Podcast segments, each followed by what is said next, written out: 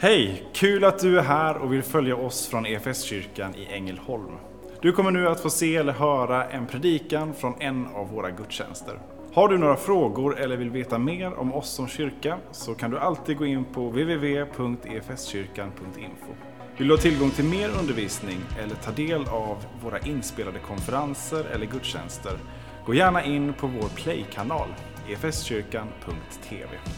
Nu ska vi lyssna på denna veckas predikan. Vi ska få avsluta vår eh, temaserie med Gud och hans vänskap. Idag, vi ska inte avsluta vänskapen med Gud utan det här är utgångspunkten för att ta oss vidare eh, i den. Men vi har tagit vår utgångspunkt i den här salmen som vi sjöng av Karl Olof Rosenius. Så vi har fått också eh, bekanta oss med honom som var så Eh, betydelsefull för eh, EFS bildande, men inte bara för EFS bildande utan faktiskt för hela Sveriges kristenhet.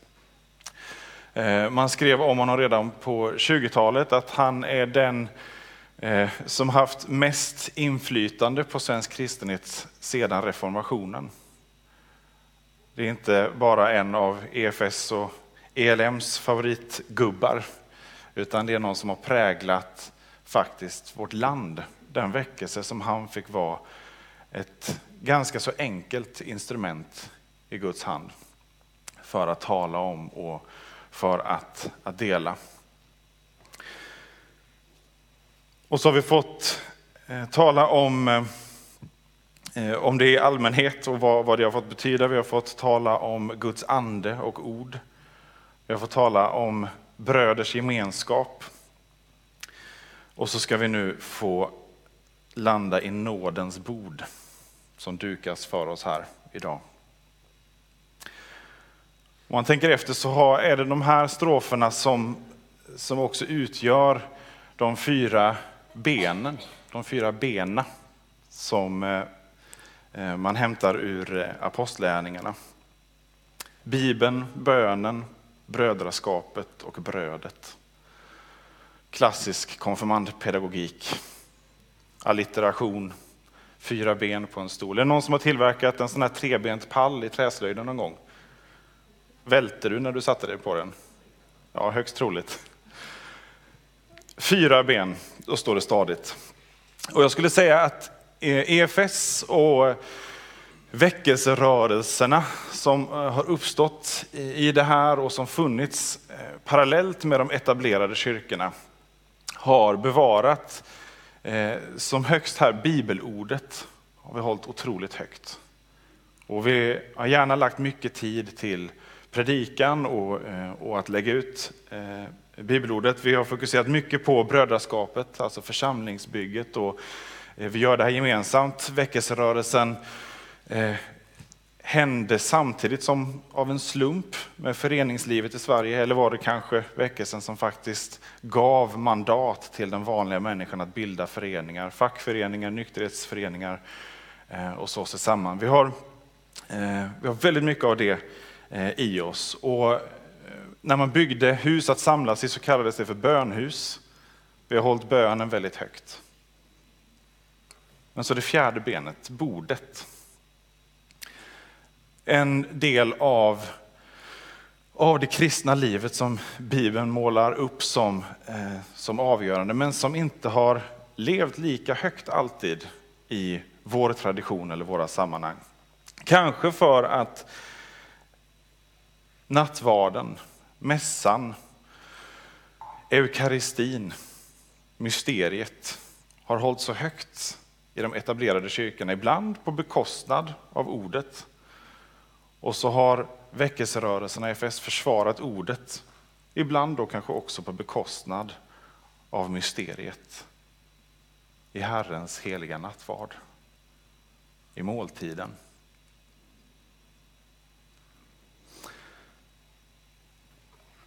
Så därför spenderar vi en söndag det här året att tala om det här. Nej, jag vill, eh, det finns så mycket man skulle kunna säga om det här, men vi, Eh, vi, vi, tar det fler gånger. Växa vidare eh, kör vi i höst. Håll ögonen öppna så kommer det mer info om det. Eh, vi får djupdyka mer i det här. Men det här skulle jag säga är viktigare att göra än att förstå. Nu ska vi ägna en liten stund åt att ändå försöka förstå. Eh, men det här är någonting att komma till och ta emot. Eh, men vi ska också få tala om det. Vi ska läsa vad Jesus säger i Johannes evangeliet i kapitel 6.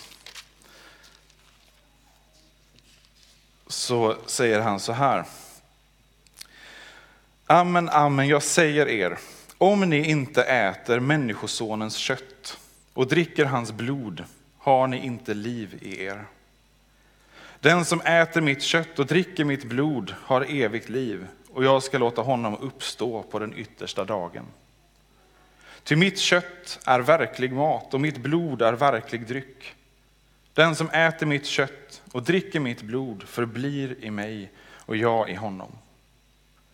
Liksom den levande Fadern har sänt mig och jag lever därför att Fadern lever, så ska också den som äter mig leva därför att jag lever. Detta är det bröd som har kommit ner från himlen. Det är inte som det bröd fäderna åt och sedan dog. Den som äter detta bröd ska leva i evighet.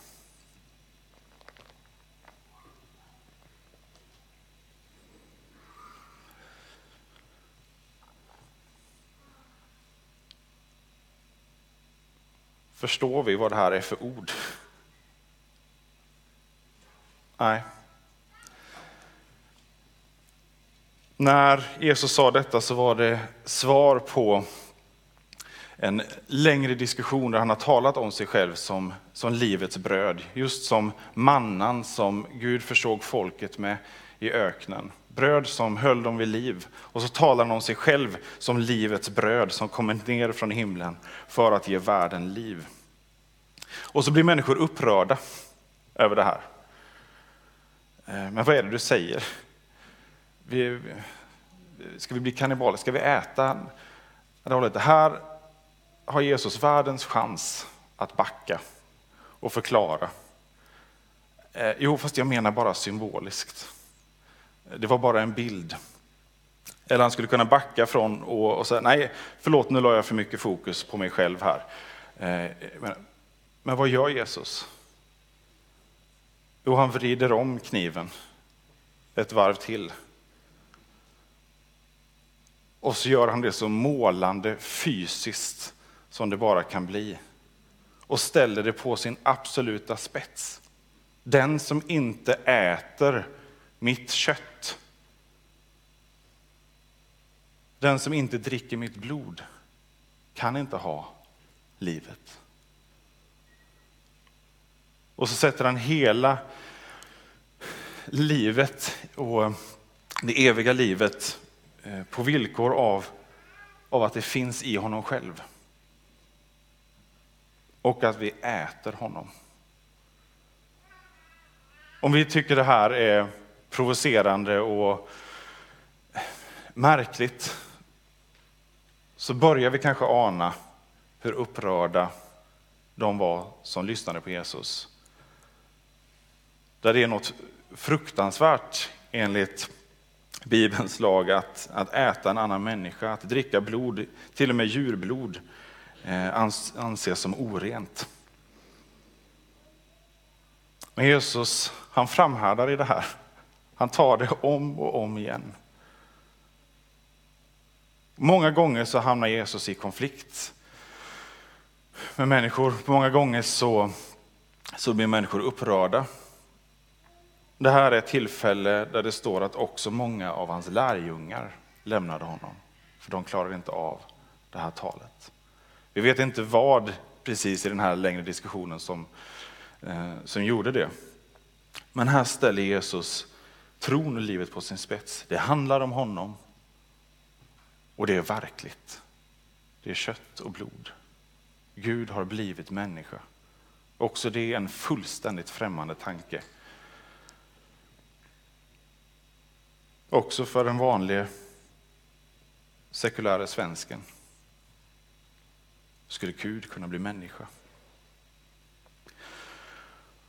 Men också för den fromme EFS-aren, tror jag.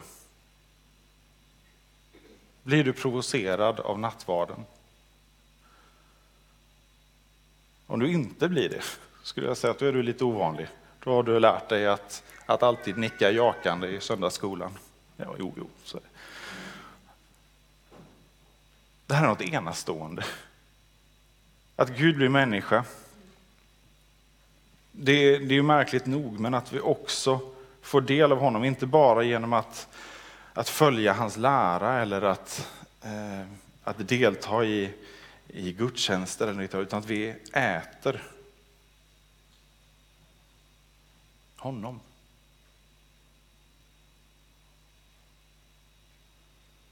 Och så tror jag att många har gjort som jag eh, genom åren och man har försökt förstå och när man inte förstår både hur det går till eller varför det ska vara nödvändigt så eh, i bästa fall så lämnar man det därhän till Gud och säger jag, eh, jag litar på det du säger.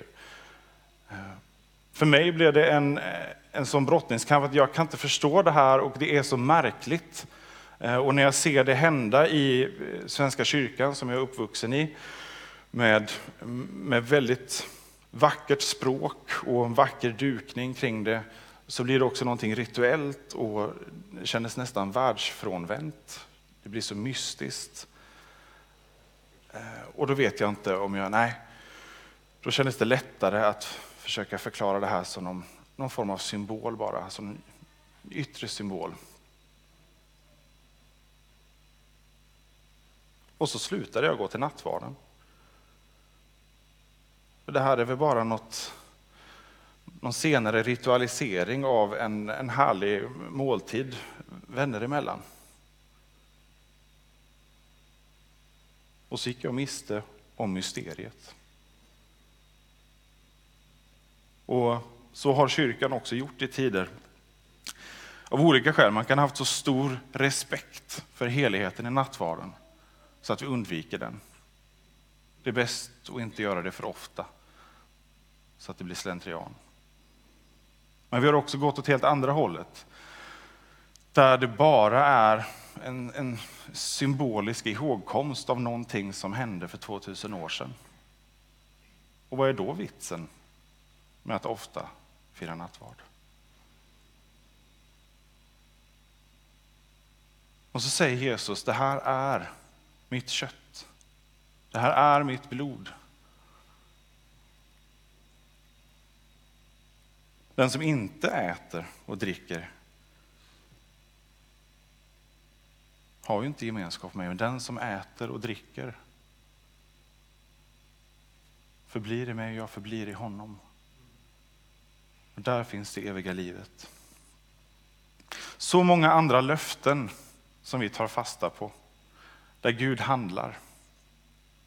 Vi litar på att Gud handlar i dopet, det andra sakramentet. Sakrament, vad är det? Nu blir det konfirmandundervisning igen.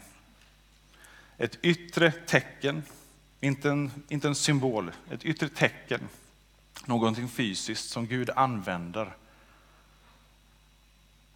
för den andliga verkligheten där han gör någonting och förmedlar sin nåd. Om det så är dopets vatten eller det brödet och vinet i nattvarden så förmedlas Guds nåd, evigt liv.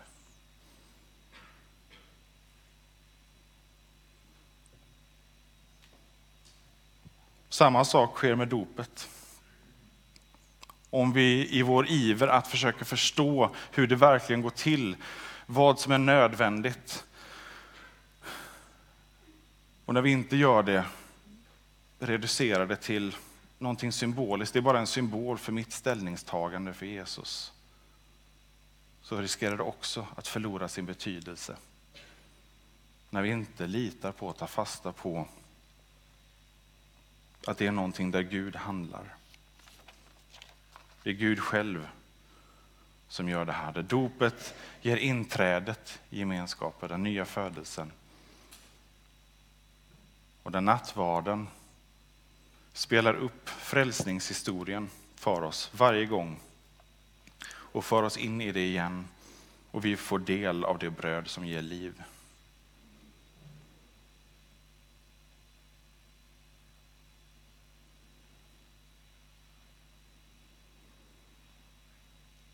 När Jesus talar om det här så gör han det både i den här diskussionen och sen också ännu mer tydligt när han firar då den sista måltiden med sina lärjungar. Så gör han det inte bara från ingenting, ett tomt ark, utan det här är uttåget ur Egypten som bildar fonden för det här. Det är det de har talat om, folket som levde av brödet som Gud gav dem i öknen. Och när de samlas i påsken, Jesus och lärjungarna, så talar han om det ännu en gång. Målar hur Gud, som har skapat världen och älskar den, väljer ett folk. Uträknat, förslavat, räddar dem. Genom väldigt enkla men fysiska handlingar. Genom att de agerar också på det som han säger till dem att göra i tro. Stryk blod på dörrposten så kommer döden inte nå ert hem. Ät det här lammet som offras för er skull. Och så föder han dem med bröd. Och så säger Jesus, det här är jag. Det här handlar om vad jag gör. Där Jesus inte håller en lång undervisning utan låter det fysiska tala så tydligt om honom. Jag är detta för er. Min kropp är detta bröd som ger liv. Mitt blod är det blod som utgjuts för er skull så att döden inte ska ha någon makt över er. Jag är det offer genom vilket hela världen kan försonas med Gud. och Där synden inte längre skiljer oss från Gud och det eviga liv som vi är skapade till.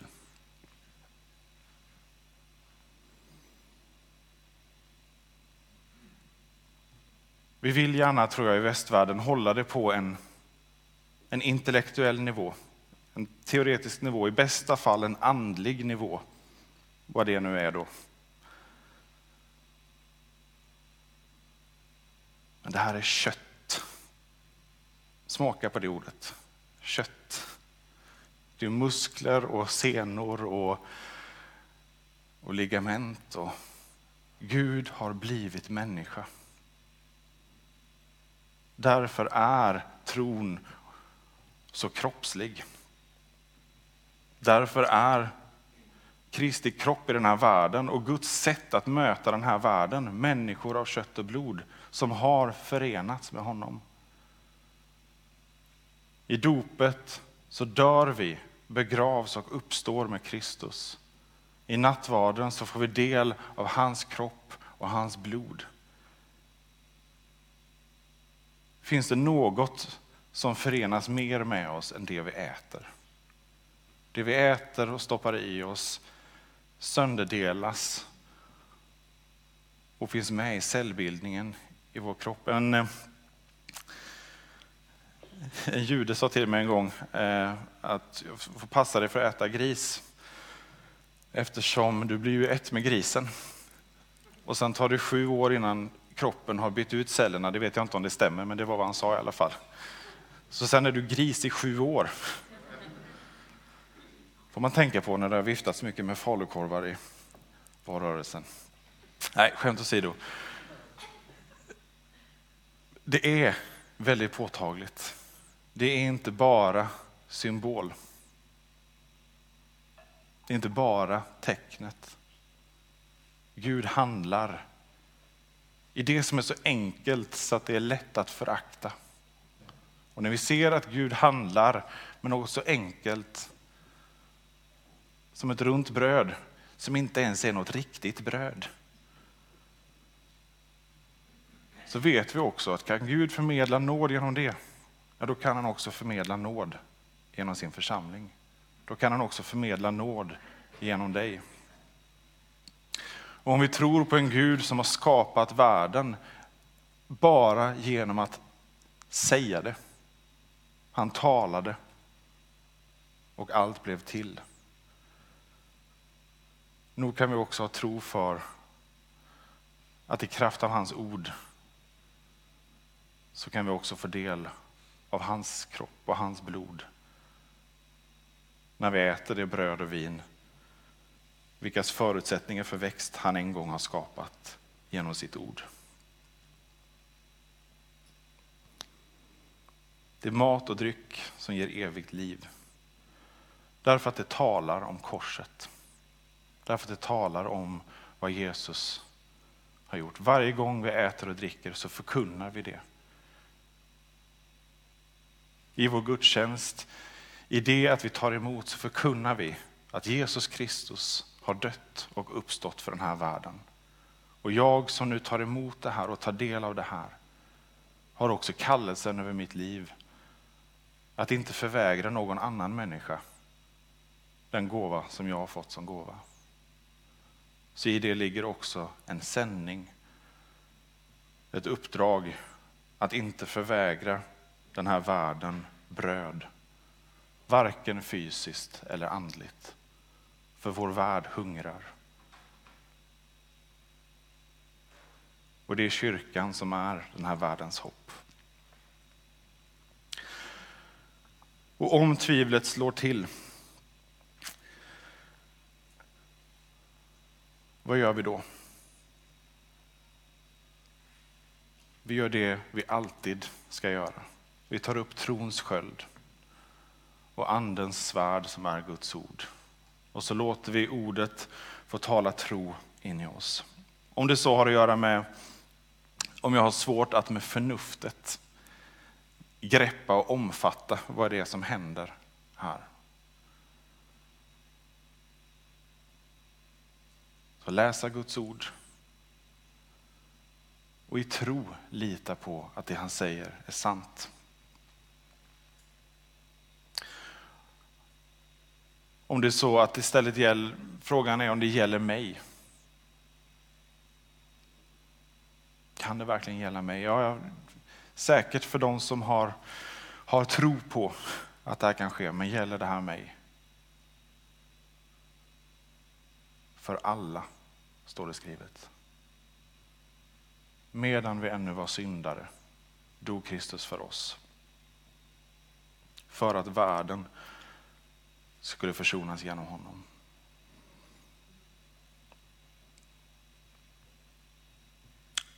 Eller så sätter vår egen synd och vår känsla av värdighet käppar i hjulet.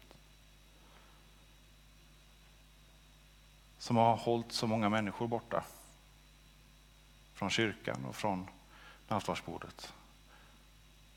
Där inte kyrkans medlemmar alltid har gjort det bästa jobbet kanske för att skapa den välkomnande atmosfären. Men det enkla svaret är nej, du är inte värdig. Just därför är du inbjuden. Hela syftet med den här måltiden är att ge värdighet åt den som saknar egen värdighet. Varför skulle annars Jesus ha genomlidit allt och dött om inte för att rena oss från vår synd och ge oss kungavärdighet?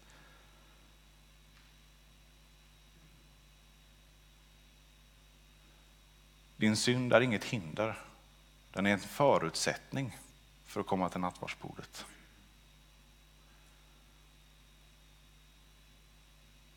Nattvarden finns där för att vi har synd. Och för att Jesus redan har tagit den på oss. Och vi är inbjudna att i tro, i vår svaghet, i vårt tvivel trotsigt ta fasta på hans löfte att det gäller mig. Och jag är inbjuden. Oavsett vad jag har, mina tankar, oavsett vad jag har mitt hjärta oavsett vad andra människor har sagt mig eller gjort mig så är jag inbjuden till den här måltiden och till den här gemenskapen. Guds sakrament och Guds ingripande i världen handlar om att undanröja alla de hinder som finns för oss att vända oss till Gud. Och om synden då inte är något hinder längre, om förnuftet inte heller är något hinder, om inte ens tvivlet är något hinder längre, vad finns kvar då? Tacksamhet. Och så omtalas också nattvarden som tacksägelsemåltid. Eukaristi som har blivit det ekumeniska namnet för nattvarden. Där alla kyrkofamiljer kan stämma in i att ja, det är det. Sen kan man se olika på hur man gör det och precis vad som händer med eukaristin, tacksamheten att allt är fullbordat, allt är givet.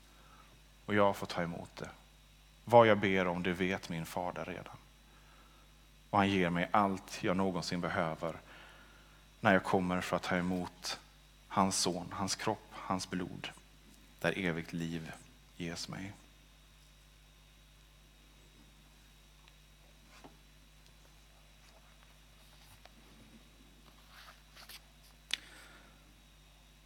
Karl Olof Rosenius skriver så här. Jesus har själv sagt, mitt blod utgjuts för många till syndernas förlåtelse. Här har du av hans egen mun varför hans blod utgöts, nämligen till förlåtelse för hela världens synder. Därför har du ingen anledning att tvivla på hans avsikt att förlåta synder. Han har inte räknat med att få lärjungar som inte har några synder, tvärtom. När han förbereder en måltid där allt går ut på att garantera syndernas förlåtelse och inbjuder sina lärjungar att komma till den i alla sina livsdagar, då vittnar det om att han visste hur just synden skulle orsaka hans lärjungar det största bekymret. Det bästa han kunde bjuda dem var därför en försäkran om syndernas förlåtelse. Om du var syndfri, då borde du aldrig gå till Herrens bord. Då behövde du inte komma. Och då hade Herren inget att erbjuda dig som du kunde ha någon glädje av. Det enda han ger oss där är försäkran om syndernas förlåtelse. Och det kanske står mycket illa till med dig. Du har varit vårdslös, likgiltig och uppmärksam. Du kanske har fallit i någon synd, för du har en ond natur och den är som krut för elden. Dessutom är du omgiven av människor och förhållanden som ger dig tusen tillfällen till synd. Och du har också omkring dig en listig och påpasslig Satan som varje ögonblick försöker få dig på fall. Detta ger anledning till synder och felsteg, lidande och bekymmer. Om det nu är så illa och du tycker att du inte är värd någon tröst, så stanna och lyssna. Vad tänker du egentligen om denna måltid?